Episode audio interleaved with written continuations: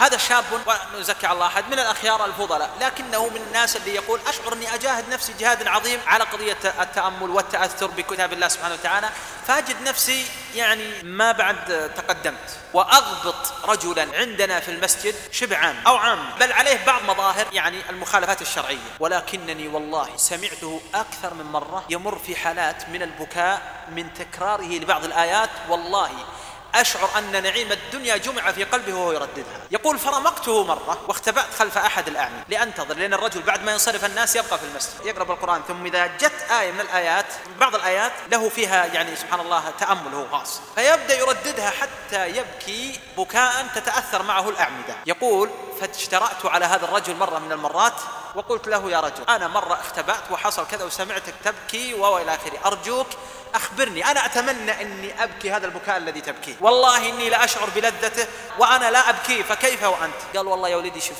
ما عندي كبير علم ولكنني إذا مررت بآيات فيها تعظيم الله عز وجل رددتها.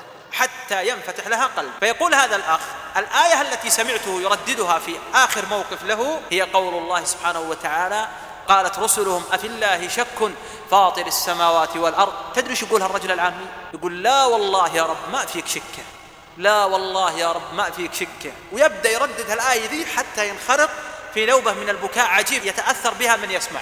قالت رسلهم أفي الله شك فاطر السماوات والأرض يدعوكم ليغفر لكم من ذنوبكم ويؤخركم إلى أجل مسمى.